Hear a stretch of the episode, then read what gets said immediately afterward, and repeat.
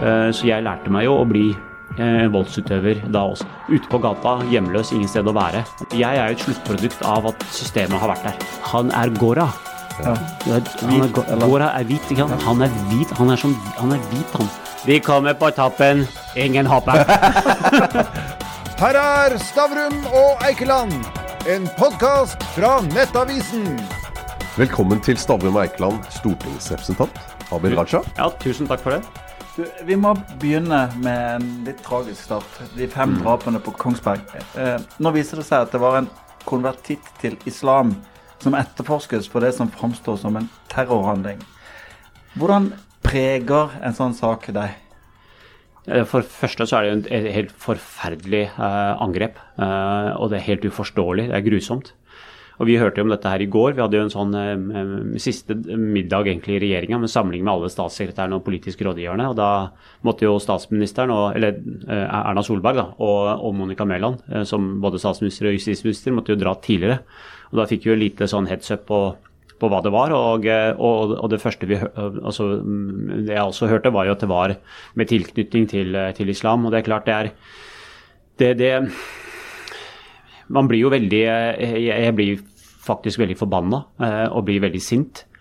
Eh, og blir eh, også oppgitt over hvor tragisk det er. Og helt, helt uskyldige mennesker som bare gjør det de skal gjøre i sitt liv, og så blir brutalt drept ned på denne måten. Det er helt avskyelig.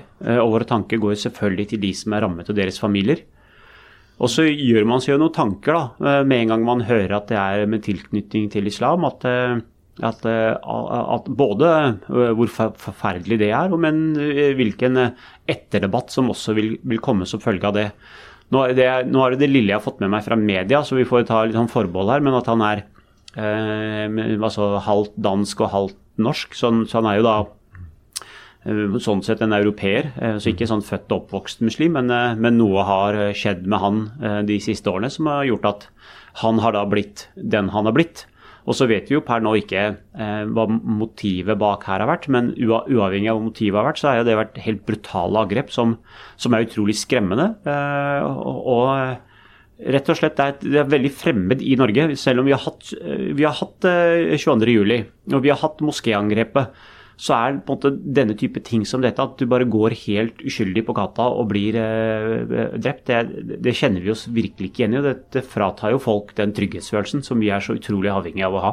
Er du redd for at dette starter nå en stemningsbølge hvor folk politisk vil utnytte dette til å være mot innvandring, eh, islam og mot muslimer?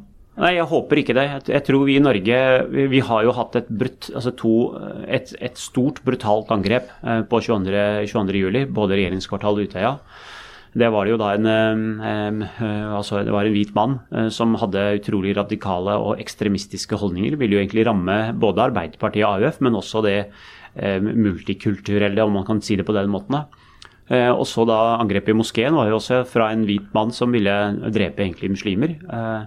Og I dette tilfellet så er det også for så vidt en, en, en hvit mann, så jeg tror folk vil reflektere litt heller over hva er det som gjør at, at eh, sånne ensomme uh, alene folk at de blir så At de kommer dit. da, At de, må, at de blir de, til de grader voldelige. Og det og Det er jo det politiet også sier. Og Jeg jobba tidligere med antiekstremismearbeid da jeg var på Stortinget før. Og det, det, er jo noe av det aller vanskeligste å jobbe med, er de enpersonsgruppene. Det er jo lettere faktisk for PST, overvåkningsmyndighetene, politiet å ta tak i hvor det er grupperinger. For da er det jo ofte samtaler og møter, og ja, det er lettere å overvåke og lettere å fange opp. Men sånne ensomme som det, det, er jo noe av det, det, det, skumleste, og vi har sett dette i mange andre land. og Dessverre ser vi dette på nytt i Norge. Men jeg tror, vi har en, jeg tror vi i Norge har en bedre forståelse av dette enn det mange andre land har. Og jeg tror og håper at vi kommer til å takle den debatten som kommer nå, på en, på en, på en, på en voksen måte. Så, så du er ikke redd for at eh, radikal islam er tilbake i Norge med dette? Altså jeg, jeg, jeg, vil si at når jeg hørte det i går, og det første jeg blant det hørte var at dette var med tilknytning til islam, så var jeg selvfølgelig veldig urolig eh, for, for det. Og så vet vi at eh, eh, vi skal ikke underslå betydningen av eh, altså konvertittproblematikk, som har vært det er ikke noe utfordring å konvertere, det er en viktig del av religionsfriheten. Nedfelt i menneskerettighetene i verdenserklæringa. og man skal kunne frasi seg religion og tilta seg nye religioner og livssyn. Men, men, vi vet at det, det, altså, de som har konvertert til islam, at vi, vi kjenner til at i mange land i Europa så er det sterk bekymring knyttet til altså Se på Frankrike, Belgia, til og med Sveits og Tyskland har jo hatt store konvertittgrupper.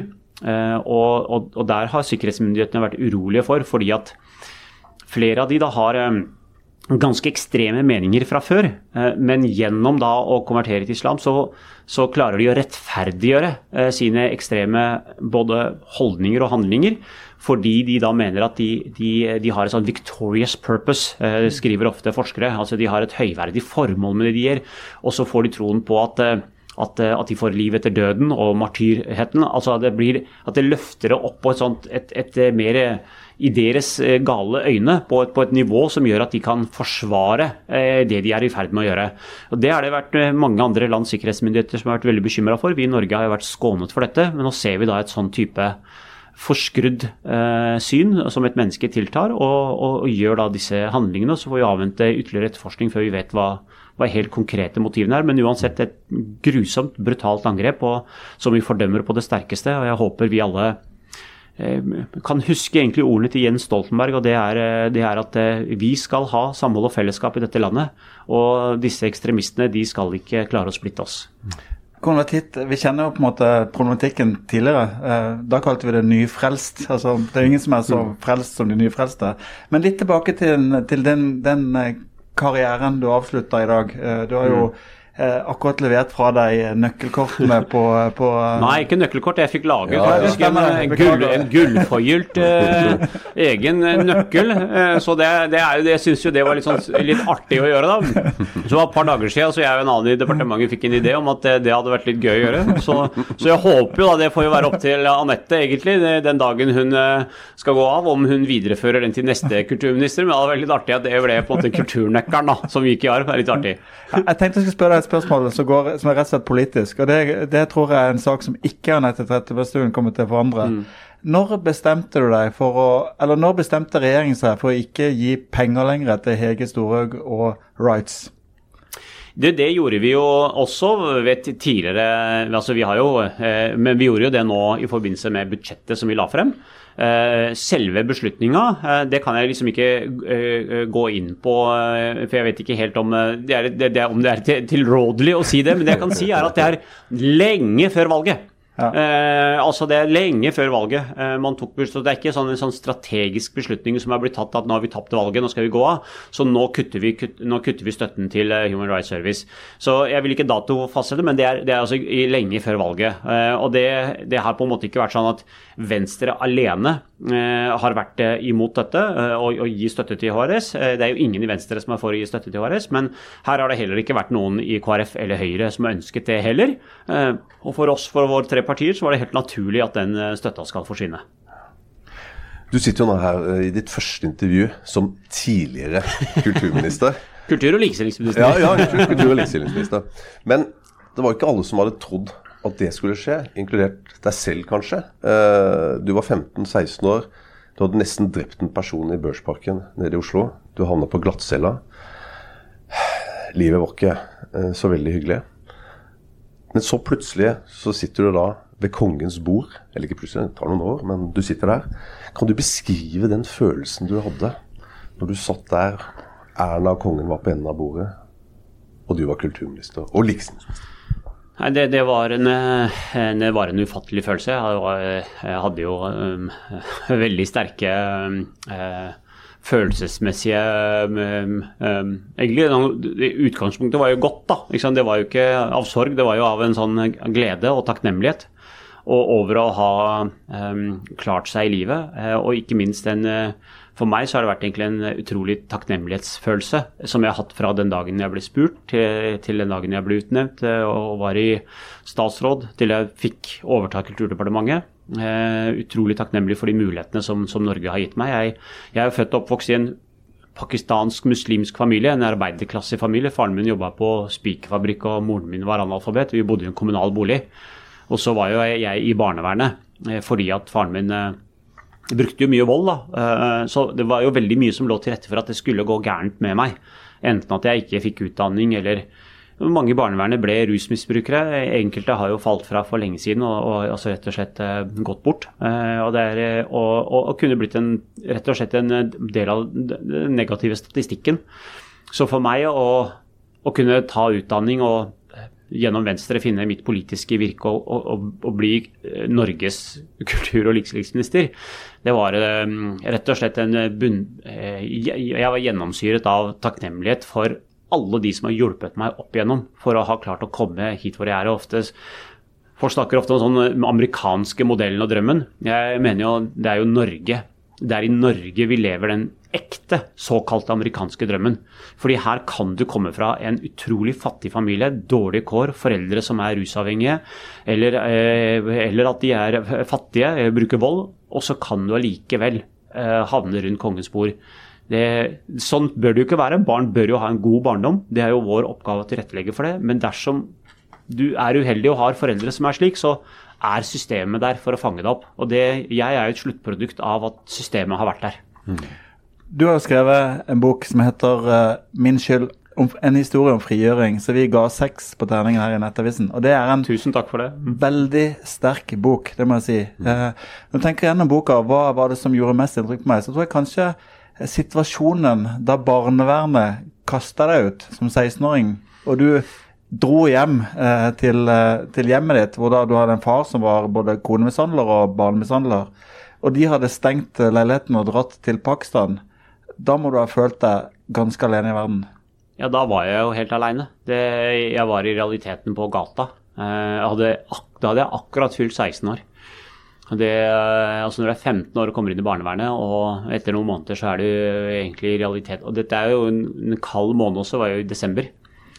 Eh, vi hadde jo en sak i Aftenposten for noen dager siden hvor, hvor han gamle læreren min på Foss hadde jo funnet frem sin gamle dagbok. da, Og, der hadde han jo skrevet på den tida i desember at uh, ute på gata, hjemløs, ingen sted å være. Det det er jo Jeg tenker eh, det, det, var jo forferdelig. Altså Det jeg opplevde hjemme, var forferdelig. Jeg skulle jo aldri vært utsatt for vold hjemme. Så forlot jeg hjemmet eh, for å dra til barnevernet, eh, og endte der også med å gjøre egentlig forferdelige ting, fordi at barnevernet hadde ikke noe Nå har det blitt veldig mye forbedringer på det tidspunktet, så det som skjedde, var jo ikke bra. Eh, og særlig det å bli stuet sammen med andre gutter som egentlig var voldsutøvere. Eh, så jeg lærte meg jo å bli eh, en voldsutøver da også selv. Og ikke minst da å plutselig havne på gata hvor ingen tok hånd om deg. Det er jo ting som ikke skal skje, rett og slett. De, ja, unnskyld. De, de, altså de fleste uh, havner jo da uh, i problemer med rus, alkohol og, og, den type ting. Du holdt deg unna det. Uh, hva, hva, som gjorde at du, du klarte det? For meg, så, Da jeg var liten, så, så var det Biblioteket var en veldig viktig sted for meg. Jeg dro til Sandaker bibliotek, og det var en bibliotekar der. og hun hjalp meg å lese bok, og så, så motiverte meg til å lese neste bok. og Eh, og jeg ga jo faktisk eh, altså til, til, til nye kulturministeren nå altså to, eh, to, bøker av Albert Aaberg. Og, og, og Albert når jeg, når jeg, bare blar om på å se på hans ansikt, så det, så føler det så godt. For Albert han var liksom min kompis og var der for meg, sammen med meg. Og bøkene ble for meg en sånn flukt, som jeg kunne flykte inn i. En sånn, et alternativ verden som var der. Hvor Abid eh, kunne være alle de rollene som det var, om det var Gummitasjan, eller om det var sant, Charlie, og om det var um, bøkene til Roald Dahl, eller andre eventyrbøker. Og så, så, for meg så var det at jeg kunne ha en annen virkelighet jeg kunne være i, som kom ut som følge av bøkene, det gjorde at jeg hadde alltid noe å strekke meg etter. Så jeg vil si sånn, det er det jeg sier, sånn, boken er jo da jeg har jo sagt at det er, jeg, det er til, til min landsby av oppdragere jeg har desidert den til. Så det er jo de, er jo da de som har hjulpet meg opp igjennom. Det er bibliotekarene, det er lærerne, det er også de i barnevernet. hvor Mange gode folk som også så meg i barnevernet, som har hjulpet meg opp og frem. Så jeg tror liksom en av årsakene til at det har gått bra, eh, det er at, eh, at det er så mange som har hjulpet til. Men også at de bøkene ga meg da en eh, Vi hadde jo ingen bok hjemme, vi hadde én bok, det var Koran. Så biblioteket var det stedet hvor jeg kunne lære å både lese norsk, men også forstå norsk litteratur, og skape meg den fantasiverdenen da, eh, som var. Eh, og Albert han var Han var kul, han også. Eh, Jeg husker til og med du må jo ha vært en sta jævel også. Ja. Altså, det er ikke bare hjelp her, det er, det jo deg selv òg her. Altså, jeg ble litt stare etter hvert, tror jeg. Eh, Det, det er eh, Altså, jeg, det er også å si at jeg husker på, på Jeg gikk på Bjølsen, da, på, på ungdomsskole. Jeg, jeg var sånn relativt skoleflink. Um, og David Toska gikk i parallellklassen, og, ikke sant? så det var jo det var, en, det var mange kriminelle på den skolen. Som var kriminelle da, Ja. og som ble skikkelig uh, ille kriminelle også i årene etterpå. Så det var, det var ikke noe hyggelig miljø å være i. Så det å få sånn gode karakterer, uh, og at læreren liksom begynte å lese opp altså prøven din, da, sånn stilen din på den ikke sant? tentamen, det var liksom uh, liksom, Det var så mye mobbing fordi at du var skoleflink. Ikke sant? Så det var sånn, Du håpet jo nesten på at læreren ikke skulle løfte deg frem som et sånt eksempel. Så, eh, men det var på en måte det så, Men så blir du, du blir, jeg blir jo litt stare og stare for all den motgangen som man møter, men jeg vil ikke akseptere For faren min sa jo alltid til meg at du kommer ikke til å få til noe. Du er ferdig som menneske. Du er et halvt menneske. Det var det han liksom pleide. Du er et halvt menneske. Og for meg så var liksom på den andre sida alle de bøkene, og alt det det representerte, og alt det sa til meg du kan få til noe. Du kan bli noe. Og så sa faren min nei. Og så ble det sånn mellom der at jeg, jeg kunne ha gitt opp og blitt på en måte det faren min sa at jeg skulle bli. Ingenting. Uh, men så var det et alternativ der ute som alltid holdt meg flytende. Og, og heldigvis var summen av det gode jeg har opplevd i Norge, uh, sterkere og bedre enn det faren min sa, som gjorde egentlig at jeg fikk de mulighetene. Du bruker jo begrepet liksom, landsby av oppdragere. Det er på en måte en slags referanse til a It Takes a Village fra Hillary Clinton. Og Det er jo, det er jo enkeltpersoner i denne historien din som, som gjør inntrykk på meg. Eh, men det er også eh, hvordan eh, taket glipper noen ganger. Sant? Du, har, du har folk i helsevesenet som da var opptatt av, eh, av sykdommen din, eh, og så men allikevel ikke klarte å fange deg opp når foreldrene dro deg, eller din far da dro deg ut fra behandlingen. Men disse enkeltpersonene, hva kan de fortelle oss om hva vi bør gjøre i verden? Det er jo faktisk ganske mye godt i verden. Det er mye vondt òg, men det er mye godt òg. Som, som du beskriver, altså jeg, jeg, jeg, da jeg ble født, så hadde jeg en veldig diffus sykdom. Jeg hadde jo ikke tar, altså Tarmene mine var sammenvevd i magen, og jeg hadde jo ikke en endetarm heller. Så jeg ble jo flytta fra Aker sykehus idet jeg ble født, til Ullevål når de oppdaga her var det noe problem. Operert egentlig på min, Etter bare noen timer så var jeg min første operasjon. Eh, og, og jeg visste jo ikke dette før jeg ble før i forbindelse med boka hvor jeg eh, henter ut min altså, pasientjournal fra den tida. Eh, for det var en, Noen år siden så var det en dame som tok kontakt med meg, Grete Bakken. Eh, og så sier du jeg pleide å ta med deg hjem jeg, når du var på sykehuset. Jeg besøkte henne, og jeg forsto egentlig ikke sånn For hun hadde taushetsbruk, så hun kunne ikke si så mye. Men jeg så at jeg hang liksom på bildet av meg, hang på et kjøleskap hennes, jeg lå i vinduskarmen. Så det var sånn veldig sånn rart, da. Men i forbindelse med boka, når jeg henta pasientjournal, så, så står det jo svart på hvitt at jeg, jeg ble jo forlatt på sykehuset av foreldrene mine. Så står det han, nå har pasienten vært alene i fire måneder, ikke hatt besøk av noen familie. Uh, har vært klar til å være skrevet ut. Og Grete, da, hun Hvem er hun? Jeg kjenner jo ikke henne. Hun putta meg da inn i den barnevogna, trilla meg ut, sydde klær til meg. Eh, og så, som hun sier, når jeg har truffet henne noen etterpå også igjen, da, for da kan hun snakke mer om det. Nå har hun skjønt at jeg har skjønt alt. og da, så hun, hadde, sånn- hun hadde ikke noe seng, så hun har bitte liten hybel, en kommode. Hun pleide å trekke ut den kommoden, og så la jeg deg inn i den skuffen. Og der lå du og sov. Og så dro vi dagen etter tilbake til sykehuset. Men tenk deg i dag, gutter. altså en, en, en, norsk, en norsk blond sykepleier hadde tatt med seg et ø, lysebrunt barn ut av sykehuset i? Det hadde blitt politianmeldelse, sant?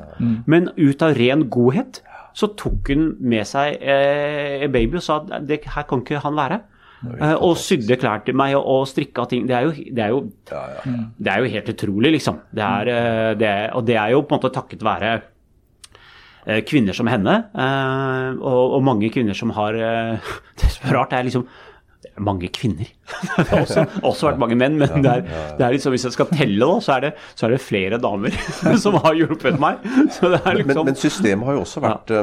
vist seg fra en litt sånn svak side også, med deg. ikke sant? For du, du, du var jo tidlig inne, men så forsvant du. Mm. og det er klart at Vi håper jo at hadde du blitt født i dag og blitt, uh, fått i første operasjon etter bare noen timer, at ikke det hadde tatt uh, var det 20, over 20 år før du faktisk klarte å få fiksa problemet ditt. jeg har jo min bakgrunn.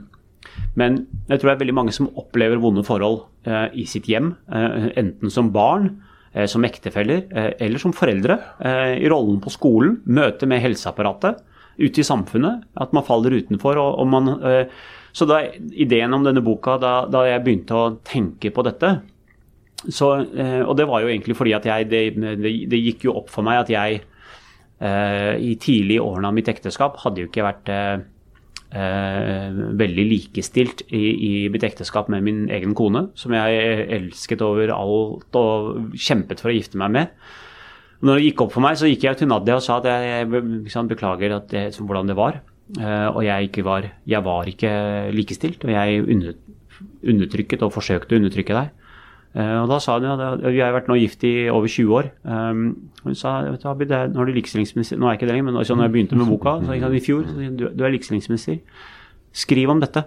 Mm. Hvis du kan skrive om alle de tabuene som, som du og jeg vet at, uh, at du bærer på, det, så kan det være med på å senke terskelen for at andre kan snakke om onde, vanskelige ting. Og Det er det som gjør eh, meg glad at, eh, at, jeg valgte å lytte til kona mi, som er også psykolog, klok dame. fordi at når jeg får tilbakemeldingene på sosiale medier, så er det akkurat det hun sa i fjor som viser seg å være riktig. At når folk skriver til meg og sier du har skrevet om så mange tabubelagte ting, Takk for det. Nå kan jeg også snakke litt om de vanskelige tingene jeg har. For alle vi bærer på hver vår bagasje. Og det er altfor skyldbelagt og skambelagt, og sånn skal det ikke være.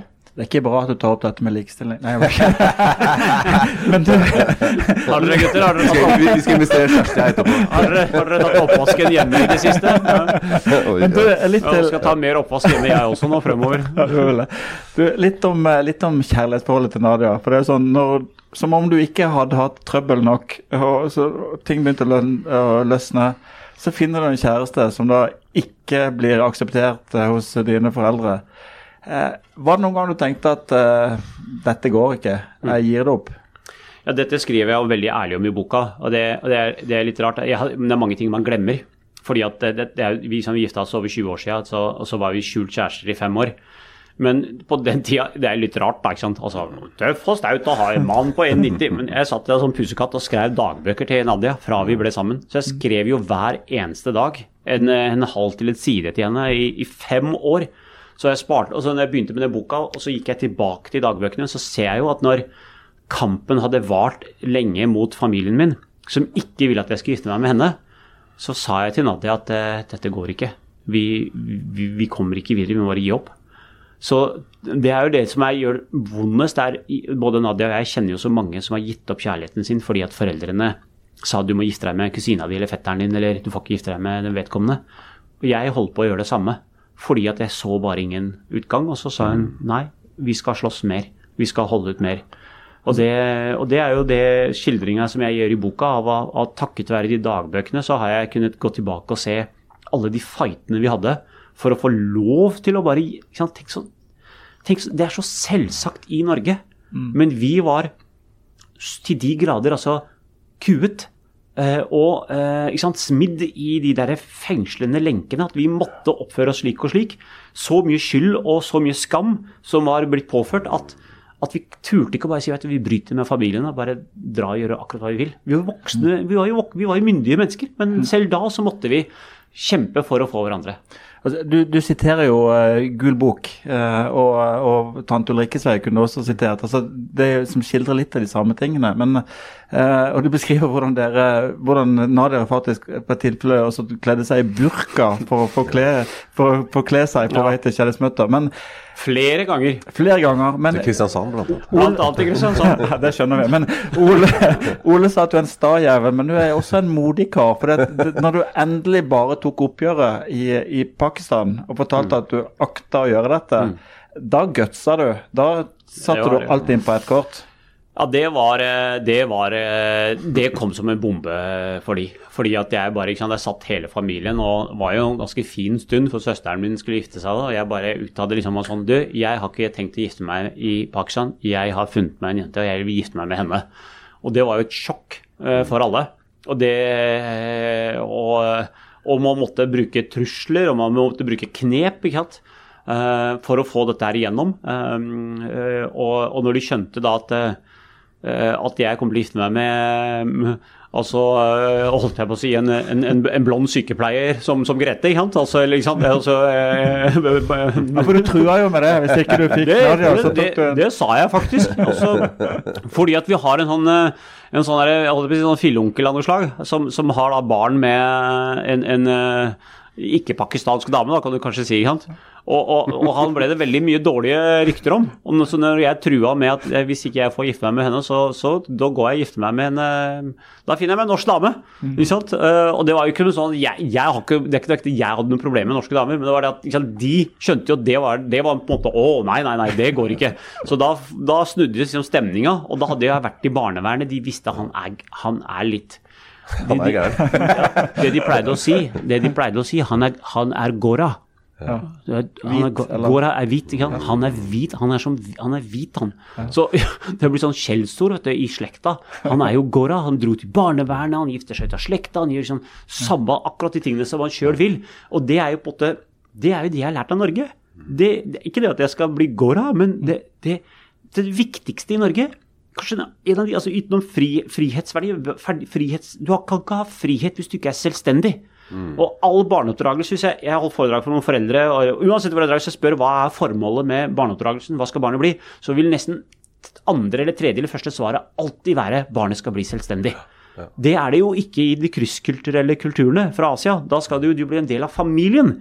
Så de kalte meg Gora som et ikke som noe positivt, som et, som et skjellsord. Hvit mann. Fordi at jeg hadde blitt så selvstendig at jeg tenkte sjøl og valgte sjøl. Og det er jo, som jeg skriver i boka, takket være de jentene på Foss. For det var en jentegjeng på Foss, eh, norske jenter, som eh, i tre år eh, krangla med meg om at Abid, du er helt ålreit, vi liker deg, men meningene dine de er jo helt forstokka. Og jeg kunne ikke forstå de jentene, og de kunne ikke forstå meg. Men istedenfor å bare si nei, gidder vi ikke å ha noe med å gjøre, så utfordra de mitt kvinnesyn hver eneste dag.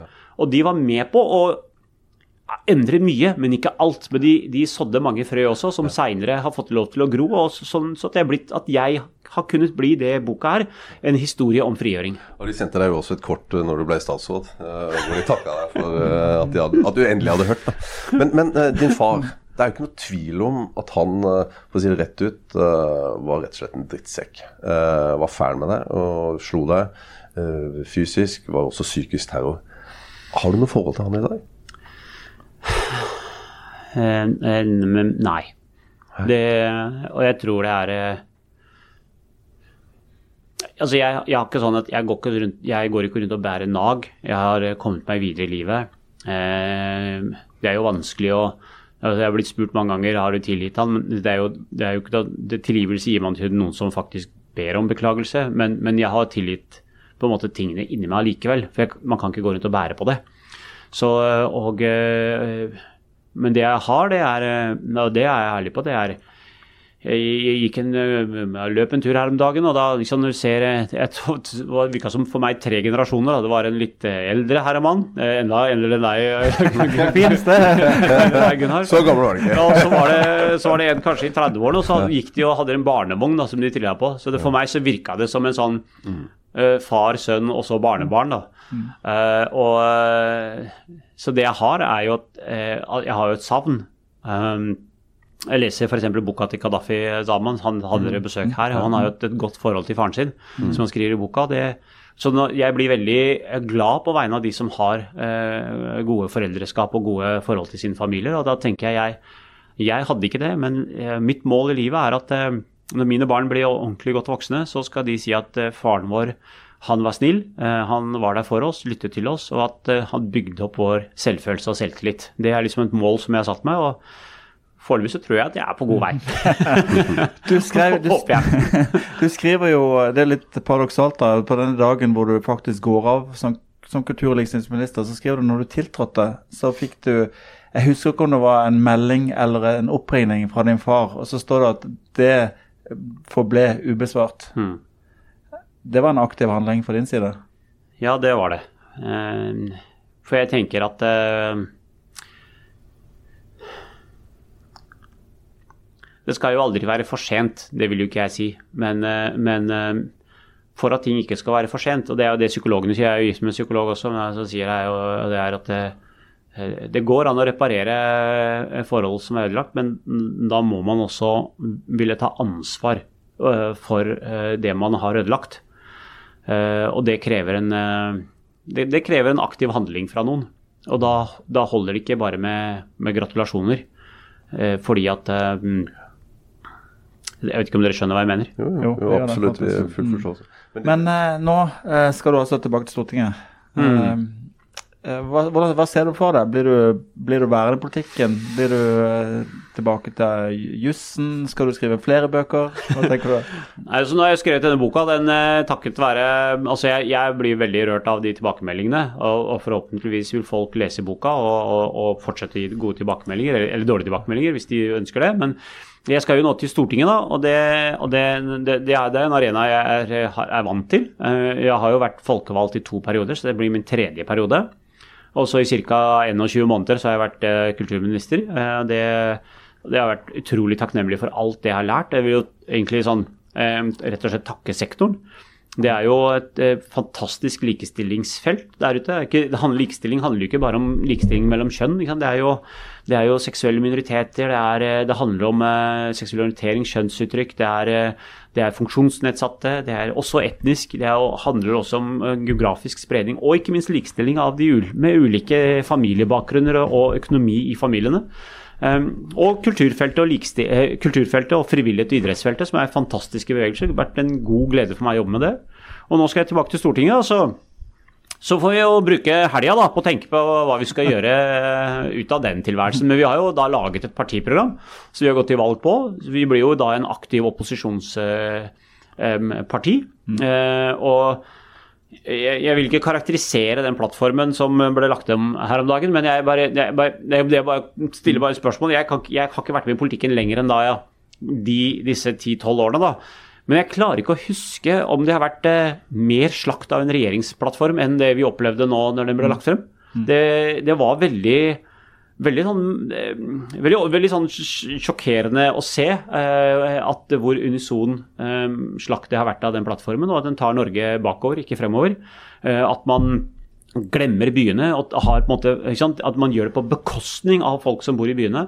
Vi har jo villet hjelpe både folk i byene og distriktene, eh, og at den klimapolitikken den er på en måte helt den er på en måte ikke-eksisterende. En unison klimabevegelse, eh, men også eh, SV, vi i Venstre, Rødt, andre partier er forstår ikke at, at det er denne retninga denne regjeringa vil gi det. det er jo, så for, for oss å være på Stortinget, jeg tror det blir viktig, og det var bra at vi har blitt et over sperregrensa, slik at vi har de musklene som trengs for å være et, et, et godt opposisjonsparti. Eh, vi nærmer oss en avslutning, men jeg tenker Ja. eh, boka har undertittelen 'En historie om frigjøring'. Og Som du sa, så hadde vi jo Kadafi Saman her i studio for ikke lenge siden, og også hans bok har har vi leste Det Og jo det interessante, det er på en måte Min, min tolkning er at Kadafi beskriver eh, hvordan faren faktisk ga etter for eh, norske normer og tilnærming til Norge. og endte opp med et godt forhold til sin far og sine barn. Eh, Du beskriver din fars veldig sterke motstand mot å gå samme vei, og så beskriver du din egen frigjøring, som også har vært en kamp. Du var jo en konservativ jævel, for å bruke det ordet. Du også, så ble du, ble du liberal etter hvert, men så uttaler du et sted, så, så uttaler du et sted at dine to døtre skal aldri oppleve det som andre norsk-pakistanske jenter har erfart. Klarer du å levere på det? Ja. Mine to jenter og også en eh, gutt, eh, alle de tre skal velge helt fritt. Eh, Jeg skal selvfølgelig geleide de som, som foreldre skal gjøre, på forskjell mellom rett og galt. Jeg vil håpe at de tar utdanning, og jeg vil håpe at de ikke velger rusmidler. Jeg vil håpe at de ikke prøver alkohol før de er blitt myndige, at de ikke røyker og snuser, alle disse tingene. Men hvem de gifter seg med, Eh, om de ikke gifter seg, om de vil leve i samboerskap, eh, om de vil ha en tro eller ikke, eh, hva slags bekledning de har, hva slags valg de kommer til å gjøre, det skal de få lov til å velge sjøl. Min eh, oppgave som far det er å gi dem såpass mye klokskap at de er i stand til å ta kloke veivalg sjøl. De valgene skal ikke jeg ta for dem, de valgene skal de ta sjøl, men de skal være i stand til å ta sine egne valg. Og det, jeg, jeg, jeg føler meg veldig fornøyd med at, eh, at, at jeg, jeg virkelig kan si at mine barn skiller seg ikke noe stort fra De, de, vi bor på et, et, område hvor det nesten bare er eh, etnisk norske. Det er eh, veldig få minoriteter, og jeg tror du vil ikke se Hvis du går til de andre foreldre, så vil du si at det er ingen forskjell på våre etniske norske barn og, og barna til Abid. De er akkurat som alle andre barn. Det, det tar jeg stor stolthet i. Eh, Gunnar, du nevnte jo at vi nærmer oss slutten. Nå går vi faktisk inn for landing. Landing? Eh, det det ikke sant? Og vi begge har jo lest denne boka, Gunnar og jeg. Det er så Eh, veldig bra. Og, og jeg er veldig, men jeg må jeg stille et litt usikker på om dere ville ha lest det, men det er Jo, jo, og faktisk, litt seriøst, den var er den sterkeste boka jeg har lest. Så den var, den var tøff. altså. Den var Tusen tøff. takk. Du satt på et fly og gråt i starten opp til Svolvær. Jeg måtte se opp i taket på vei hjem fra Stockholm på tirsdag. Den var, den var sterk. Men på slutten, det irriterer meg litt. Og det irriterer kona mi også, for hun har lest den før meg. Og, og sånt noe. Så hun var, ga klar beskjed. Nei, nei, det er bare Altså, du sto da oppe på denne Svolværgeita. Det er 350 meter ned, og det er to sånne Ja, ja. hvor du skal hoppe fra den ene fjelltoppen til den andre. Ikke sant? Uh, Gunnar, du har stått der du også. Uh, uh, hoppa du? Overhodet ikke. Hva? Chicken! Ok, men, men eh, jeg må nesten vite. Eh, du skriver her 'Bare sleng det ene benet ut. Jeg vet du klarer det'. Gjorde du det? Du, det er litt artig du spør, for jeg hadde en sånn amerikansk guide Ja. som uh, ble med oppover, ikke sant? som en sånn Mm. klatreguide. Og så han sa mange kommer. Hva de sier de skal hoppe. De går oppover, de klatrer. De sier de skal hoppe. De kommer på toppen. Ingen hopper. jo, jeg kan si du kan google det.